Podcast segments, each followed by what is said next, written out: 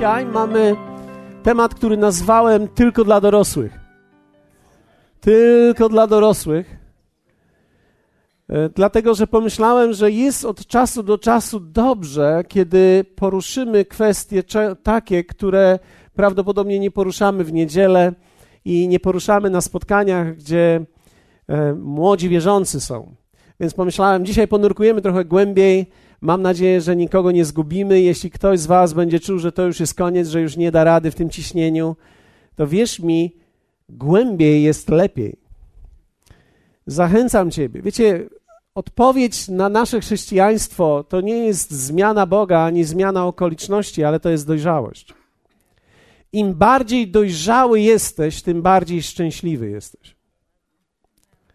Im bardziej dojrzały jesteś, tym bardziej szczęśliwy jesteś. Widzisz, Bóg nie daje nam szczęścia. Bóg daje nam okazję ku dojrzewaniu i wyposaża nas, abyśmy my, dojrzewając, stawali się coraz bardziej szczęśliwi. Szczęście bowiem nie płynie z tego, co jest wokół nas, ale przede wszystkim z tego, co jest w nas. I kiedy człowiek nawraca się i przychodzi do Jezusa, bardzo wielu ludzi rozpoczyna tą podróż w taki sposób, gdzie oczekują, że teraz Bóg będzie działał dla nich.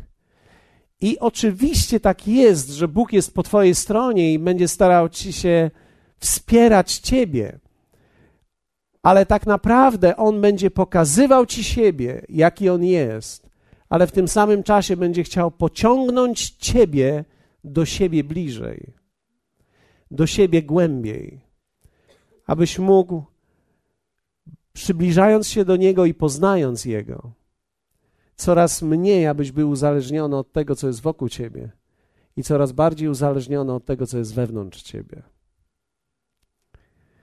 Więc ja rozumiem, że dzisiaj może nie będzie wielkiego entuzjazmu, ale to jest naprawdę dobra nowina.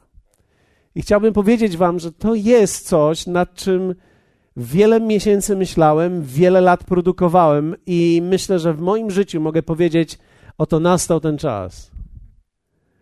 Jestem bardziej szczęśliwy niż kiedykolwiek byłem. Jestem bardziej spełniony niż kiedykolwiek byłem. Mam więcej pokoju niż kiedykolwiek miałem.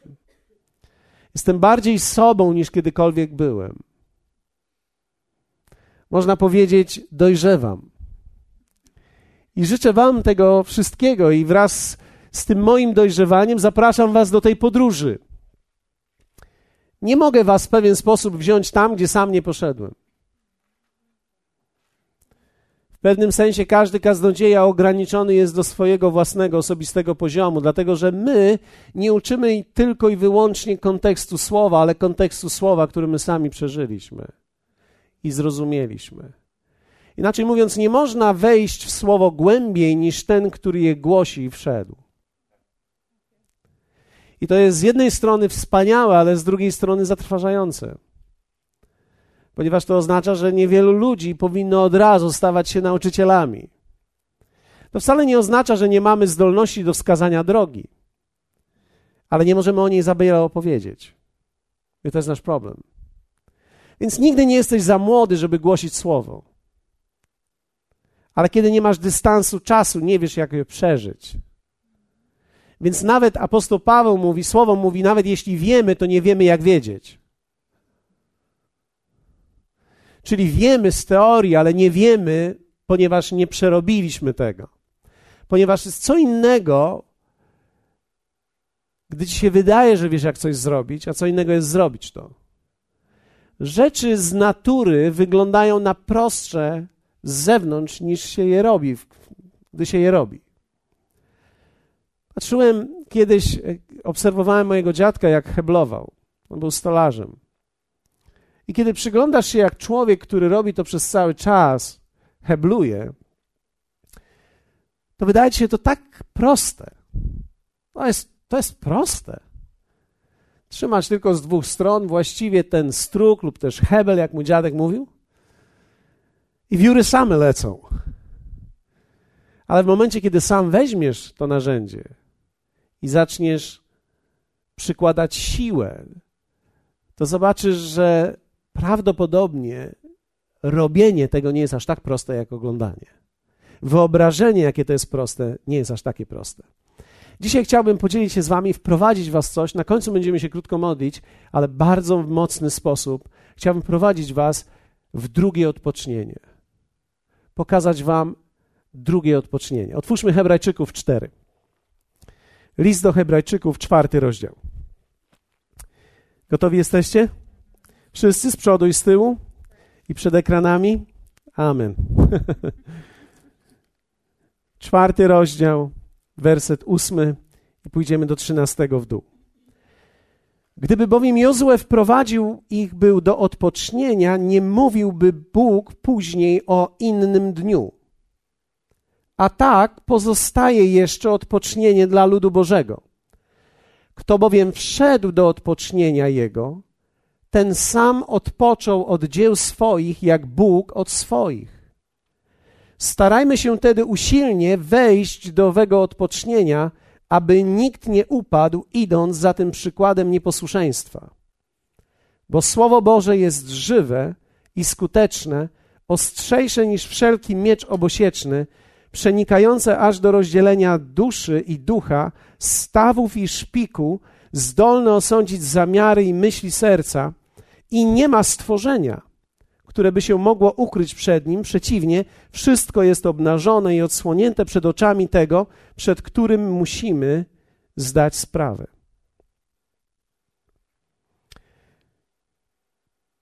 Spójrzmy na ten tekst jeszcze raz na kilka wybranych momentów.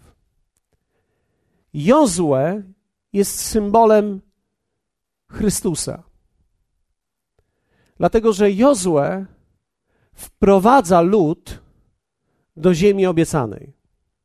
Tak jak Chrystus wprowadził nas do nowej rzeczywistości, do ziemi obiecanej po wykupieniu, po odkupieniu nas.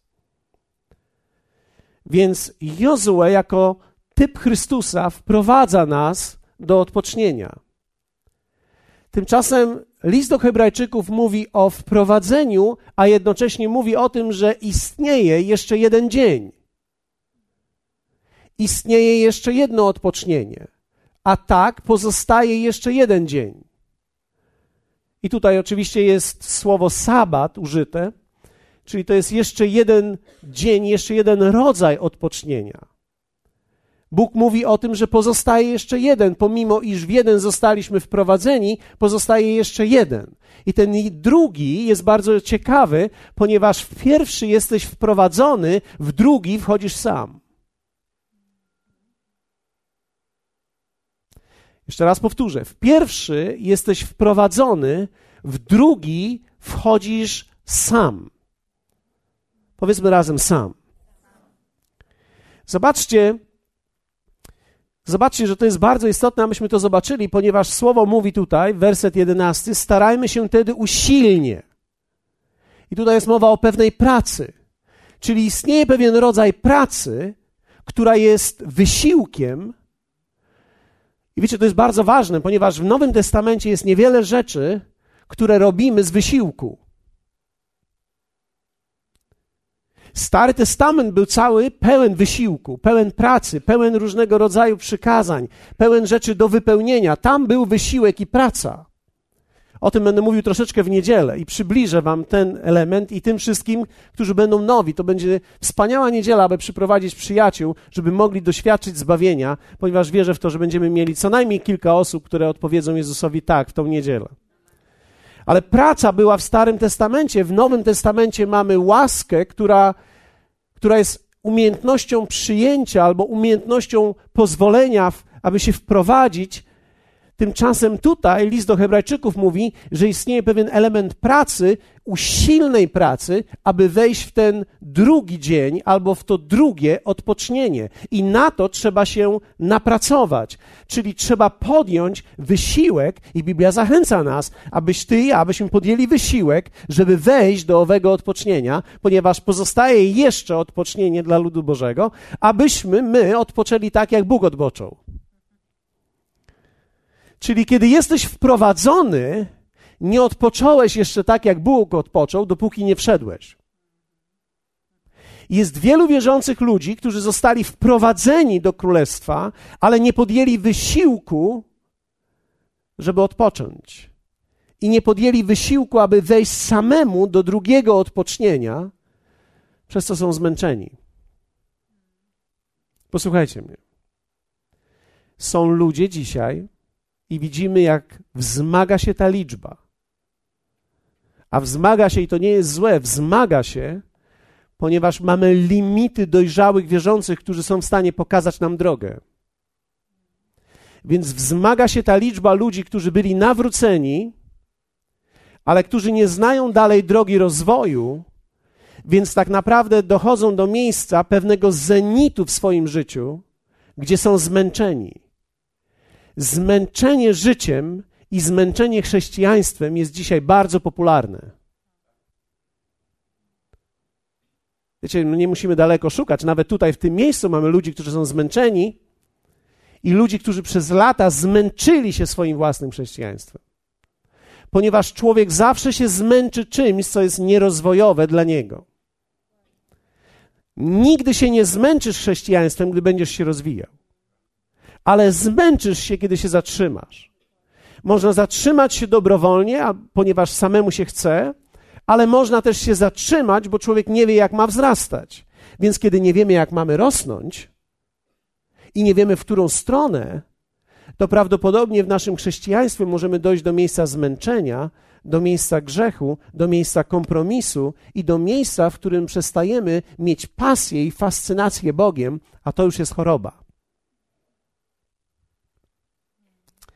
Żyjemy w czasie, gdzie być może naokoło widzimy wielu wierzących zmęczonych swoim chrześcijaństwem i życiem również. Nie tylko chrześcijaństwem, życiem. Zmęczeni życiem.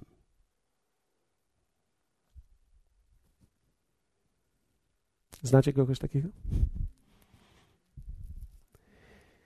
Jeśli moje chrześcijaństwo nie interpretuje mojego życia, to życie zacznie interpretować moje chrześcijaństwo. Czyli jeśli w mojej argumentacji poznania Boga nie dostaję nowych argumentów, żeby się zmieniać, to życie zacznie interpretować moje chrześcijaństwo i będę mówił sam do siebie, albo życie będzie mówiło do mnie, a później ja będę powtarzał to. Że życie nie jest łatwe. Życie jest trudne. W życiu nie można tak cały czas grzać na gazie pełnym za Bogiem. W życiu trzeba się zająć wieloma rzeczami. W życiu nie można być tak tylko za Bogiem, tylko za Bogiem, tylko za Bogiem. Trzeba sobie odpuścić. Umieć sobie odpuścić, poukładać sobie wiele innych rzeczy. I tak jak dobrze to brzmi, tak w konsekwencji nie jest to zdrowe. Ponieważ Bogu nigdy nie chodziło o to, żeby ciebie zagubić w życiu. Bogu zawsze chodziło, żeby dać ci życie. We wszystkich wymiarach. Jezus w Ewangelii Mateusza powiedział takie słowa: Pójdźcie do mnie wszyscy, którzy jesteście spracowani i obciążeni, a ja wam dam ukojenie. Weźcie na siebie moje jarzmo i uczcie się ode mnie, że jestem cichy i pokornego serca, a znajdziecie ukojenie dla dusz waszych.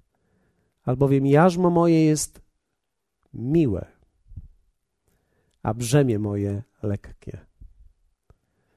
Moje jarzmo, Jezus mówi, jest miłe i brzemię moje lekkie i możecie tak chodzić. I możecie tak żyć. Ty możesz tak żyć. To jest propozycja. To się nie dzieje automatycznie. Zostałeś wprowadzony do odpocznienia ale do tego rodzaju odpocznienia, o którym Jezus mówi, będziesz musiał wejść i wysilić się. Wiecie, kiedy masz dwadzieścia parę lat, jesteś zapalony. Ale kiedy masz trzydzieści parę lat, jesteś już dobrze zagoniony. Pod koniec swoich lat dwudziestych ludzie zaczynają czuć tempo. W trzydziestych latach już biegną jak szynszyl w klatce. Jeśli ktoś z Was miał chomika w takim kółeczku, to wie, jak to jest. To jest bieg długodystansowy. To jest rodzaj perpetuum mobile. To jest bieg, który się nigdy nie kończy. To jest bieg, który nie ma początku i to, co najgorsze, nie ma żadnego sensu, oprócz prostowania kości.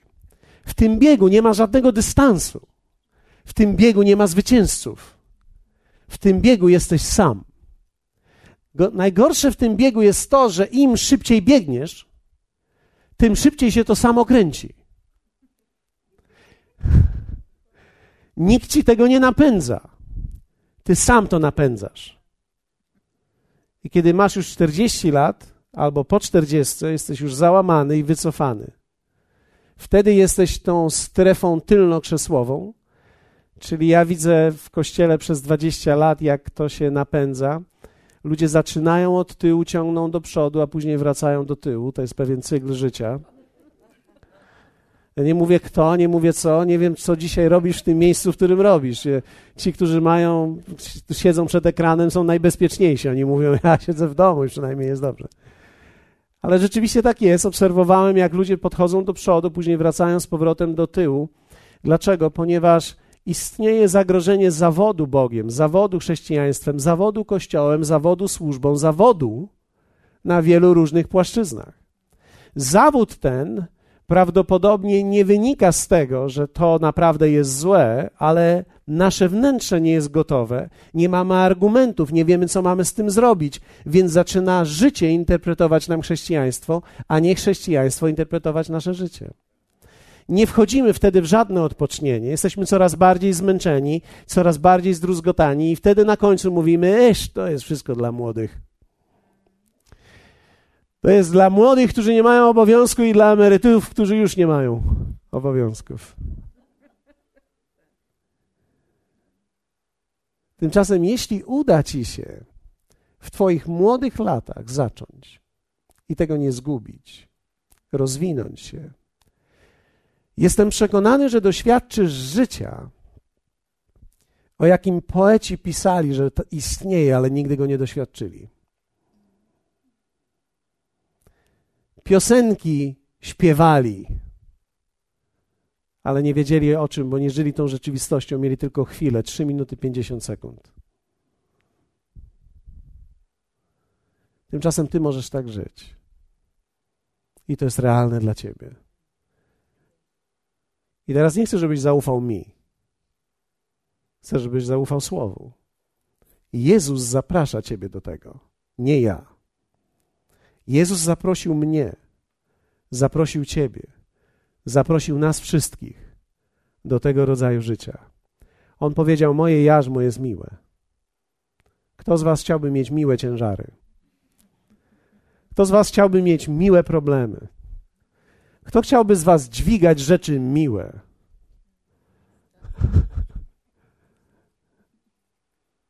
miłe rzeczy dźwigać. Brzemię moje, mówi, jest lekkie. Odpowiedzią na to jest wzrost Twój. Trzeba wiedzieć, jak on wygląda, ponieważ żyjemy w zachodnim świecie. Większość z nas, która nas słucha w tej chwili, to są mieszkańcy naszego kraju. Są osoby być może, które połączyły się z Niemiec, z Irlandii, z Czech. Jakkolwiek jesteśmy częścią zachodniego systemu filozoficznego. To trzeba rozumieć, ponieważ istnieją również inne filozofie, o których bardzo lubię, jak opowiada Cejrowski. Gdzie podróżuje po różnych krajach i opowiada o historiach różnych. Zresztą nie tylko Cejrowski, ale nawet nasi przyjaciele, którzy pojechali do Afryki na misję, ponieważ jeden z kościołów, wrocławski kościół, prowadzi wspaniałą misję. I gdy tam pojechali i zobaczyli, jak Mężczyźni siedzą przez cały dzień pod drzewem i jedzą orzechy. I wszyscy powiedzieli do nich, ci, którzy przyjechali, misjonarze, powiedzieli: Wykopiemy wam studnie, będziecie mieli wodę. A oni mówią: Po co nam studnia, po co nam woda? Woda jest pięć kilometrów stąd, kobiety noszą. I oni nie widzieli w tym żadnego problemu, że kobiety muszą iść 5 kilometrów w jedną stronę, 5 kilometrów w drugą stronę. Po co im studnia? Kobiety przynoszą wodę, jaki jest problem z tą studnią? To oznacza, że nawet nasze potrzeby i świadomość naszych potrzeb zależna jest od kultury, w której wzrastamy. To oznacza, że większość z nas dzisiaj, potrzeby, które mamy, to nie są potrzeby, które prawdopodobnie naprawdę mamy, tylko są potrzeby, które nam ktoś mówi, że mamy. Też trzeba umieć to zobaczyć, ponieważ czasami możemy żyć w jakiejś iluzji potrzeb, że potrzebuję to i potrzebuję tamto i potrzebuję jeszcze tamto. Tymczasem wielu z tych rzeczy w ogóle może nawet nie potrzebujesz, ale świat ci mówi, że potrzebujesz, świat ci mówi, że tego nie masz, więc ty czujesz, że to potrzebujesz. Ale być może tego nawet nie potrzebujesz. Więc żyjemy w świecie zachodnim, a on narzuca na nas pewne normy. Jedna z tych norm to jest sukces, który przejawia się w aktywności. Aktywność, bycie zajętym. Ciągle chodzimy z kalendarzem, wpisujemy. Ja rozumiem porządek, ale dla niektórych kalendarz jest wyznacznikiem ich sukcesu. Dlatego, że można wpisywać, teraz mam to spotkanie, to szkolenie, to szkolenie, to szkolenie. To szkolenie da mi tyle pieniędzy, to, to szkolenie da mi tyle pieniędzy, to da mi tyle pieniędzy, ta umowa da mi tyle pieniędzy, więc teraz okazuje się, że prawie każdą godzinę można przeliczyć na pieniądze, więc i więcej godzin to jest więcej pieniędzy. Więc nawet nie wiem kiedy wpadłem w ten druciany wiertalek i zasuwam. Powiększając, powiększając ilość spotkań, powiększam ilość rachunków. Powiększając ilość rachunków, marnuję swoje zdrowie też. Mam stres, więcej wydajemy na leki. Więc zarabiam, ale zarabiam na to wszystko, co mnie teraz kosztuje, żeby zarobić. Inaczej mówiąc, jeżdżę samochodem. Po co jeżdżę? No jeżdżę po to, żeby zatankować. Po co tankuję? No żeby jeździć. I tankuję, żeby jeździć, jeżdżę, żeby tankować. I je, je, jedziemy. I jedziemy. Jest, jest, jest pęd. Jest bycie zajętym. I teraz ja rozumiem, że kiedy jesteśmy tak zajęci i słyszymy o tym, drugim odpoczniemy, to wszyscy mówią, ja bym chciał tak odpocząć. I wtedy myślimy sobie, jakieś wakacje by nam się przydały. No, najlepiej Wyspy Kanaryjskie. Gdzieś zamoczmy nogi, gdzie woda jest ciepła. Niech nas trochę słońce popali, albo żeby mieć święty spokój, bo niekoniecznie wyspy, ale żeby mieć święty spokój. Żeby mieć święty spokój. Wiecie, my szukamy świętego spokoju, ale nie szukamy świętego pokoju. I nawet jak mamy święty spokój, to nie mamy świętego pokoju. I kiedy nie masz świętego pokoju, to nawet gdy masz święty spokój, jesteś zmęczony po tym świętym spokoju, jeszcze bardziej gdybyś pracował. Ponieważ za każdym razem, kiedy wziąłeś sobie parę dni wolnego, żeby mieć święty spokój, już masz stresa, ile straciłeś, bo nie pracowałeś. Więc żyjąc w tym świecie zachodnim, on wyznacza nam pewne normy i teraz Słowo Boże przekłada się na pewne rzeczy w naszym życiu. I myślę, że to jest bardzo istotne, abyśmy to zobaczyli, bo Bóg, Je, Jezus zaprasza Ciebie do, do rodzaju życia, którym mówi: Ucz się ode mnie, bo moje jarzmo jest miłe, brzemię moje jest lekkie. List do Hebrajczyków mówi: Usilnie wchodźcie do owego odpocznienia i to odpocznienie jest możliwe dla ciebie. Wiecie, ja nie chcę powiedzieć, że teraz mówię o tym, że człowiek ma żyć bez ambicji. Ale można mieć też chore ambicje.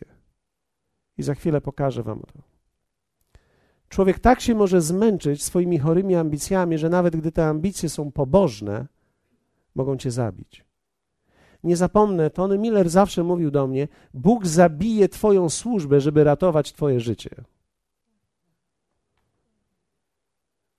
Czego nigdy nie mogłem pojąć, bo wydawało mi się, że mo, moja służba jest dla Boga ważniejsza niż moje życie. Tymczasem nie. Ty jesteś dla Boga ważny. Bo jeśli nie ma Ciebie, nie ma służby.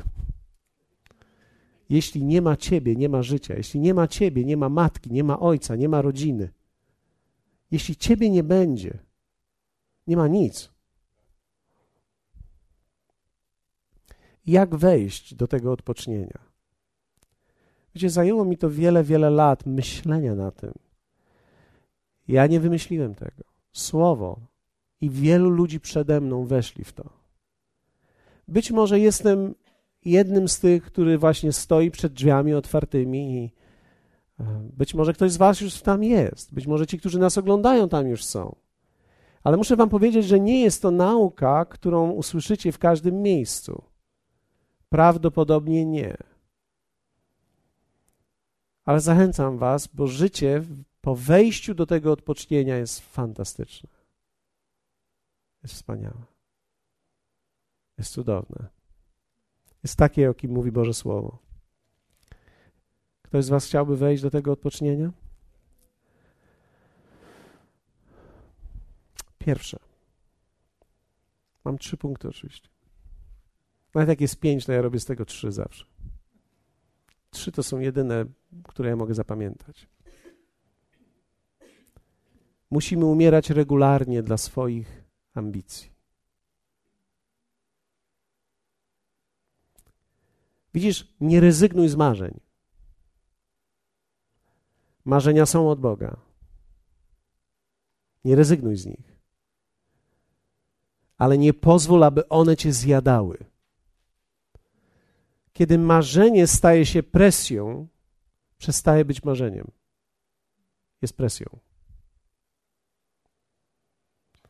Pozwól, aby marzenie ciągle było jako dar od Boga. Muszę zadać sobie pytanie, co mnie popycha, żeby rzeczy osiągać, żeby coś mieć. Dlatego, że jeśli będziesz ciągle popychany, nauczysz się, że coś w środku ciągle cię pcha. I są ludzie, którzy są ciągle popychani i nawet sami nie wiedzą, dlaczego są popychani. Dlatego, że nigdy nie zatrzymali się i nie zastanowili się, co ich wewnątrz pcha.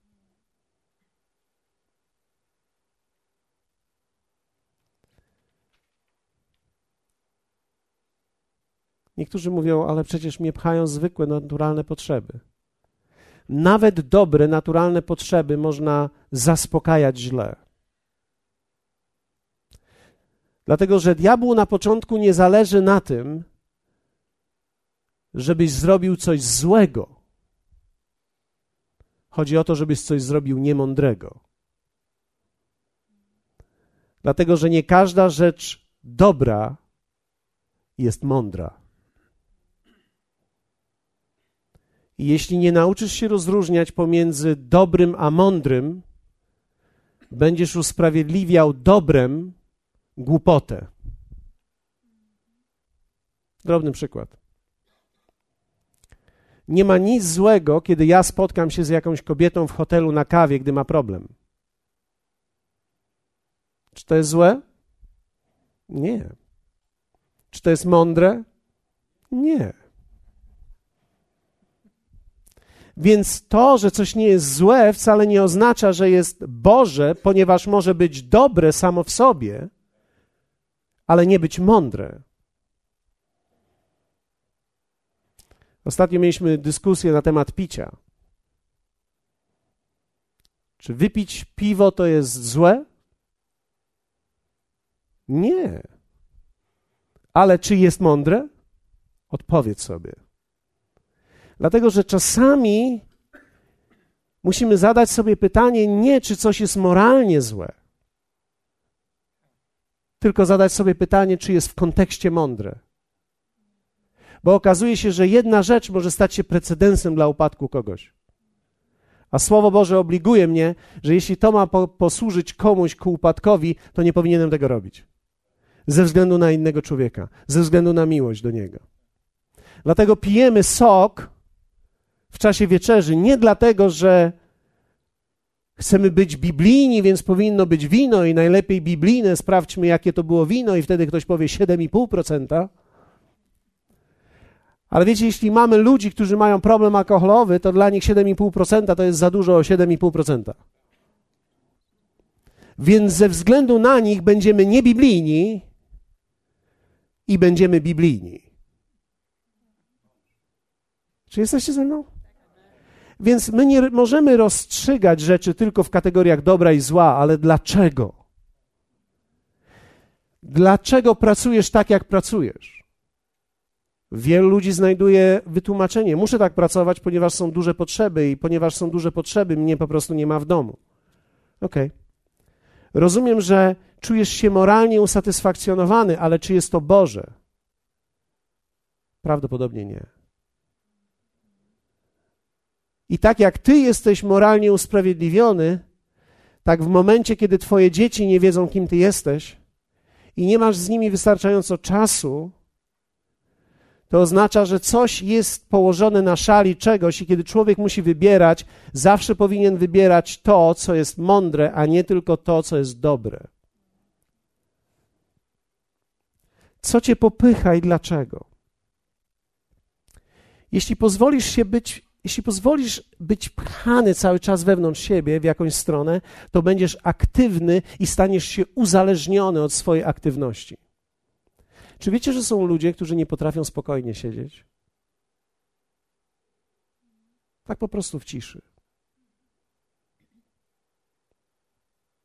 Tak absolutnie nic nie musi grać nawet. Wiecie, ja uczę się teraz, że, że nawet nic nie musi grać. Ja zawsze lubiłem muzykę, zawsze lubiłem spokojną muzykę, refleksyjną muzykę. Słuchałem poważną muzykę, aż w końcu mój syn mówi, tato, przestań słuchać takiej muzyki, bo, bo wyglądasz jak morderca. O, oni wszyscy słuchają poważnej muzyki. Nie wiem dlaczego, mój syn zawsze kojarzył mnie z Hannibalem Lecterem. może wyglądam tak jak on. Podobny jestem do niego. A teraz jeszcze z tym mikrofonem to już prawie, że pasuje.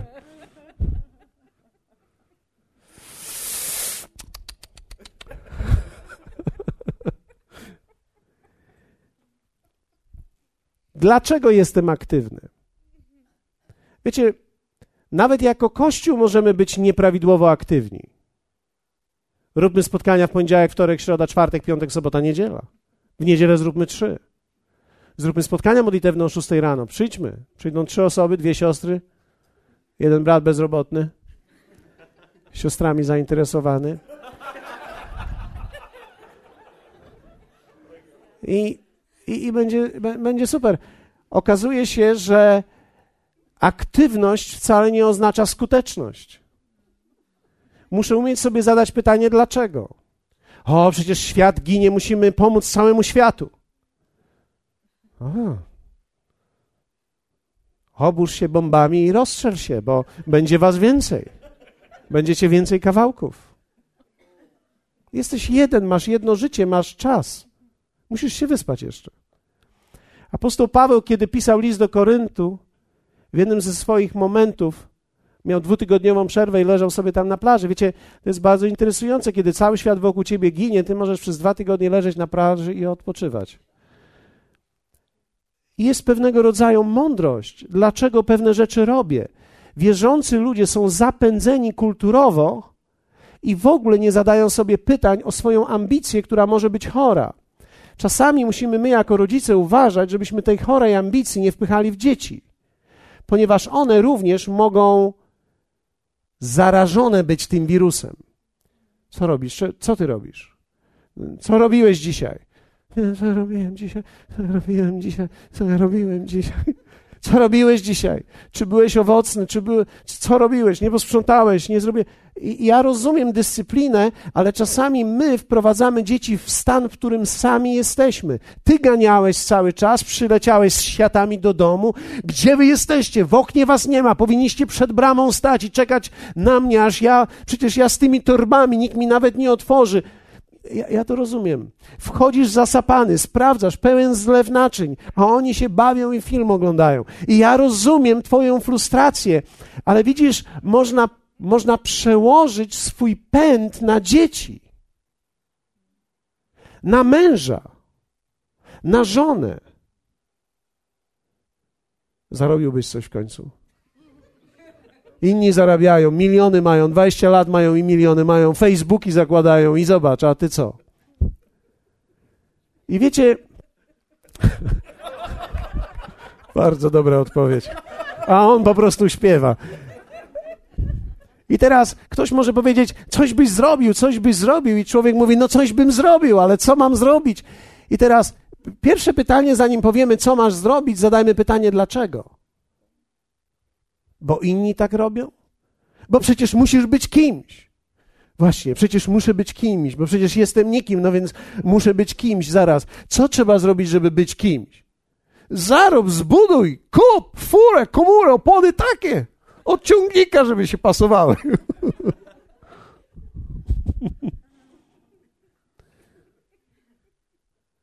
Możemy napędzać siebie nawzajem, bo mamy kulturę napędzenia.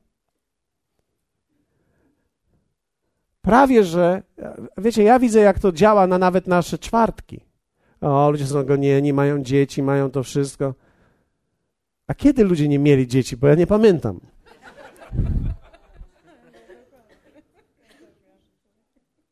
Teraz mają pampersy, wtedy była tetra. Wtedy się prasowało i, i się działało. Teraz pampersy, numer taki, proszę. Z zapachem landrynki. Hmm. Mleka nie gotujesz, miksujesz.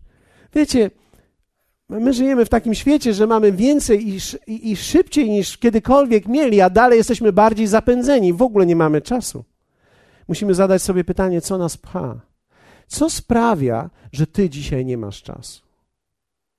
Co sprawia, że musisz tak działać, pracować, tak się uczyć, jedną rzecz, drugą rzecz, trzecią robić, w nocy pracujesz, rano o piątej byś się pomodlił, ale, ale nie, nie masz szans, nie masz siły. Fred Mitchell, lider misji światowej, powiedział tak: Musicie być świadomi, mówił to do misjonarzy, że najbardziej aktywni są bezpłodni ludzie.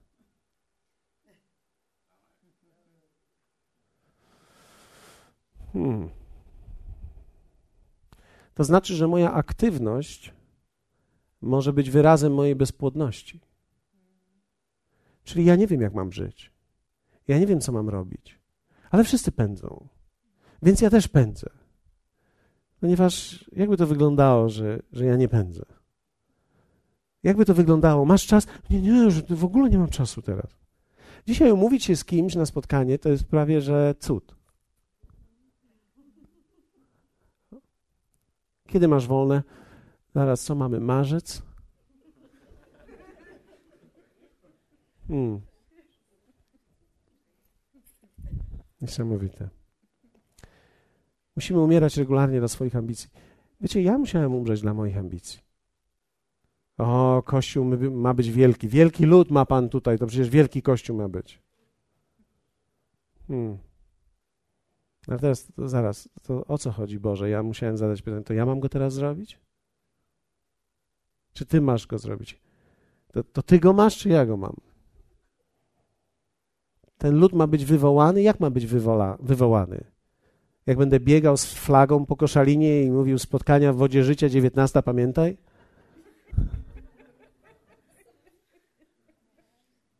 Czy raczej ludzi wywołujemy rodzajem życia, które mamy, które nie jest wynikiem naszego zabiegania i programów ewangelizacyjnych i programów nie, nie, niesamowicie e, w wielkich telewizjach przez internet. No jak teraz ten wielki lud mam? Wiecie, ja musiałem zadawać te pytania, muszę zadawać sobie te pytania. Dlatego, że co mnie pcha? Co chcę ludziom dać? Dlaczego ma być duży? Bo ja wtedy będę duży? Wtedy będą mnie zapraszać i nosić na lektyce? Broń Boże. No ale co, co wtedy będzie z nami? Będziemy wielcy i Artur wyda płytę i sprzeda 3 miliony? I strzeli golda? No, wiecie, można strzelić golda, później w głowę. To, bo to tak może być. Dlaczego mamy robić te rzeczy?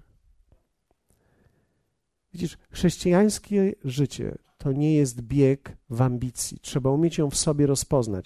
Ja w tobie jej nie rozpoznam.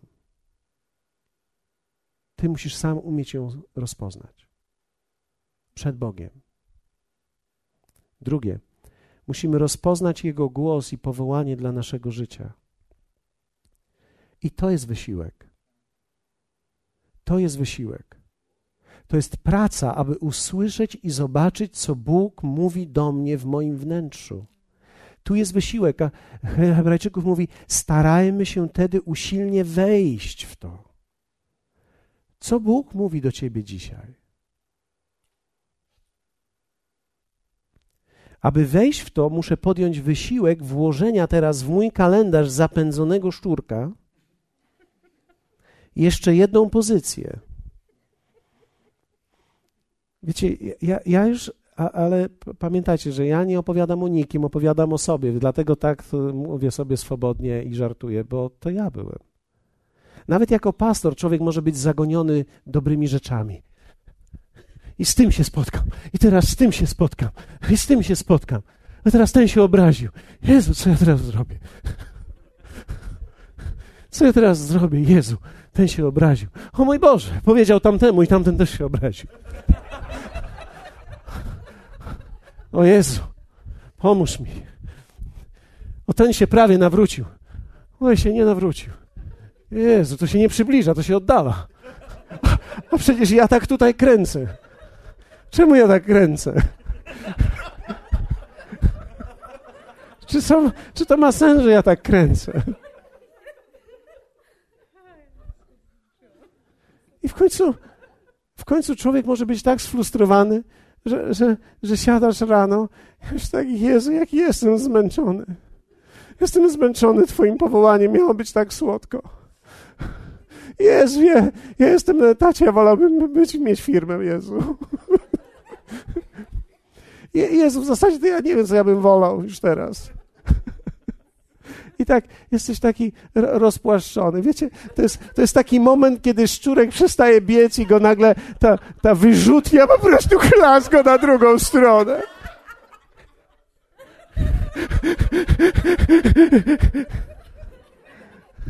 Miałeś kiedyś takie zatrzymanko?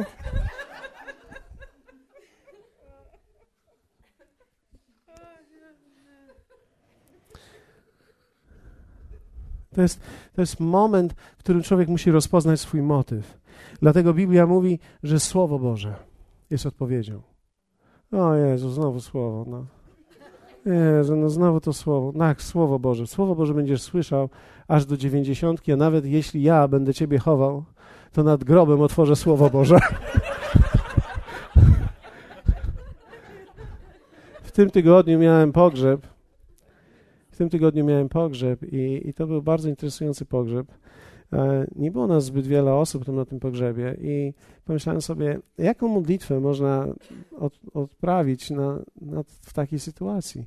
Więc otworzyłem Słowo Boże. Przeczytałem prawie cały list do Efezeń. Pomyślałem sobie tak, to jest bardzo dziwne, tylko chyba ja rozumiem, co czytam i tylko może dwie osoby ze mną, albo jedna i nikt więcej, ale, ale, ale czytałem. No bo my zaczynamy od słowa i kończymy na słowie. I słowo Boże. Dlatego list do Hebrajczyków mówi tak. Bo słowo Boże jest żywe i skuteczne, ostrzejsze niż wszelki miecz obosieczny. Bardzo ciekawe jest to słowo, dlatego że to słowo miecz obosieczny to jest dokładnie greckie słowo, które mówi obo, sieczny i to słowo sieczny jest usta. Czyli tak jakby słowo Boże jest żywe i skuteczne, jak miecz dwuustny. Są słowa, które On wypowiada, i są słowa, które Ty wypowiadasz. Dopiero wtedy, kiedy te słowa, które On wypowie, odbiją się w Tobie i Ty je wypowiesz, staje się to mieczem, który zmienia w Twoje życie. Widzisz, kiedy Bóg tylko mówi słowo, to, to jest za mało. Kiedy ty zaczynasz mówić słowo, to odbijasz to słowo, które jest usłyszane, zasłyszane z nieba. Wtedy to jest miecz obosieczny, miecz oboustny. I teraz ten miecz jest bardzo szczególny, bo on, mówi Słowo Boże, rozdziela. Przenika aż do rozdzielenia duszy i ducha, stawów i szpiku, zdolny osądzić zamiary. Widzisz, Słowo Boże zaczyna przenikać i zaczynasz zadawać sobie pytanie, dlaczego to robię? Tylko Słowo Boże osądzi prawidłowo Twoje motywy życia. Ja robię to wszystko, ja robię to wszystko, robię to wszystko, bo się boję. I tego się nigdy nie dowiesz, dopóki słowo nie dotknie ciebie i nie przeniknie ciebie i w tobie nie powstanie. Wtedy się okaże, że większość rzeczy, które robimy, robimy, bo się boimy, robimy, bo chcemy się porównać albo chcemy dorównać, bo chcemy komuś coś zrobić, bo chcemy, bo się boimy o nasze dzieci, bo się boimy o naszą przyszłość, bo się boimy, że Bóg nas opuści, boimy się cały czas. I tego nikt ci nie powie, tylko słowo. Dlatego rozpoznajesz swój motyw przez słowo.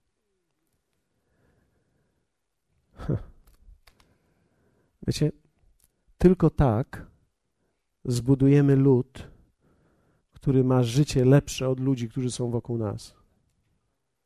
Tylko tak. Inaczej się nie da tego zrobić.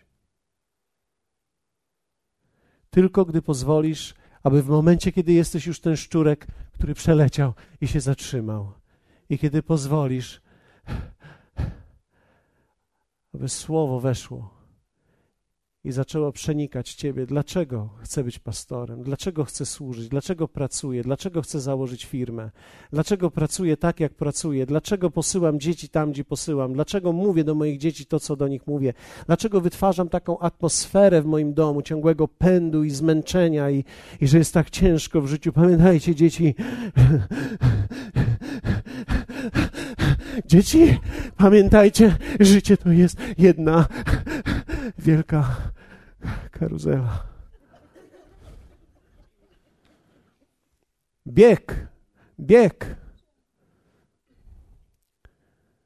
Twoje życie albo będzie pane Twoją ambicją i chorymi motywami, albo, i to jest tylko to, będzie odpowiedzią na Jego powołanie. A wtedy będzie to lekkie i miłe. Usiadłem sobie tak któregoś dnia, jak już tak szczurek wygasł we mnie. Pomyślałem sobie, a jest mi wszystko jedno. Nie było mi wszystko jedno, ale tak poczułem się, jakby było mi wszystko jedno. Wtedy zobaczyłem, że On naprawdę mnie powołał. Tylko, że nie muszę aż tak pędzić i zależeć na sobie i starać się być Johnem Austinem, później Joelem Austinem i Kennethem Heginem i tylko, że Jezu, mogę być sobą. Mogę ściągnąć kapturek i być sobą że On umieścił dar we mnie, że ja mogę zaufać Jemu, że we właściwym czasie, żebym uporządkował siebie, żebym pomyślał, że to jest ważne, jak żyję, dlaczego rzeczy robię. Nawet dzisiaj zadaję sobie pytanie, czy powinienem się z kimś spotkać. O, jako pastor powinienem wszystkich całować w czółko. O, nuż się znowu obrażą. Ale wiecie, ja wyleczyłem się już z tego. Ja kocham ludzi. Ale ja nie chcę całować ich wszystkich w czółko. Dlatego, że jeśli, jeśli ja nie połączę ludzi z, z nim, a połączę ludzi ze sobą, to ja będę ich dźwigał na sobie i każdy mój ruch, każdy mój ruch będą obserwować. A przecież tu nigdy nie chodziło o mnie, bo pewnego dnia ja się zetrę i zniknę. Moja żona mówi, stajesz się coraz mniejszy i mniejszy. Moja ty zapałeczko.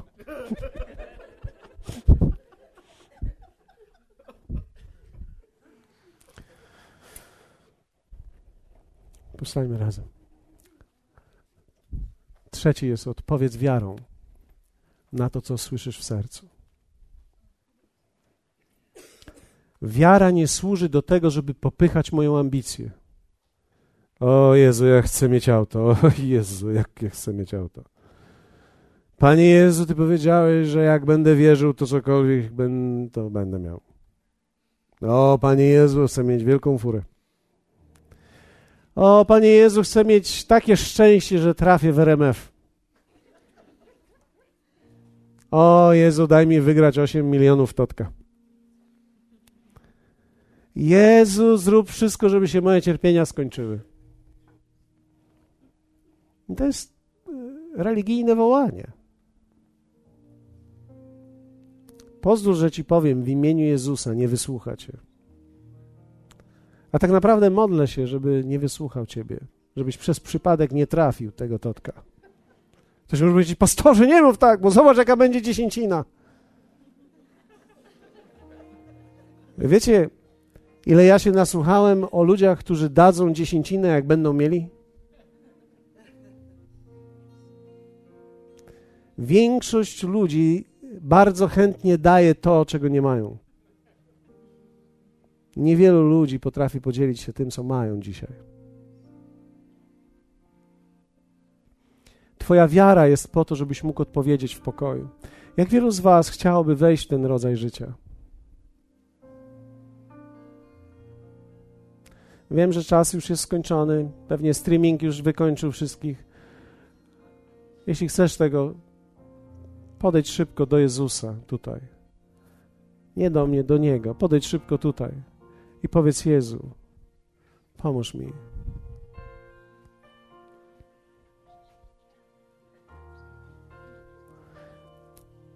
Ja chciałbym zachęcić Ciebie, abyś pozwolił, aby to Słowo Boże stało się drugimi ustami wewnątrz Ciebie.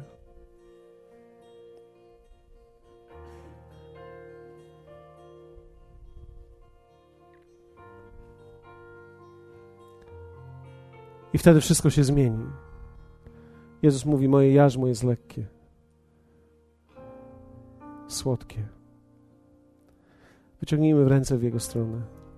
Jeśli oglądasz nas w tej chwili, wyciągnij ręce i powiedz: Jezu, pomóż mi. Proszę Ciebie, żebyś przyszedł do mnie. Być może jesteś w tej chwili w miejscu, w którym biegniesz dalej. Uświadamiasz sobie już teraz, że biegniesz. Ale dzisiaj chciałbym, żebyś usłyszał to wołanie do Ciebie. Przyjdź do mnie, a dam Ci ukojenie. Przyjdź do mnie, a dam Ci rodzaj życia, który sam miałem. Jezus, który przyszedł na tą ziemię, mając trzy lata służby. To nie jest wiele lat służby. Ja mam 22, więc trzy lata służby to jest bardzo krótko. Mając trzy lata służby, miał wyposażyć ludzi, których miał zostawić tutaj. I nigdzie się nie śpieszył przez trzy lata. Nigdzie się nie spóźnił przez trzy lata. Nie był zagoniony przez trzy lata.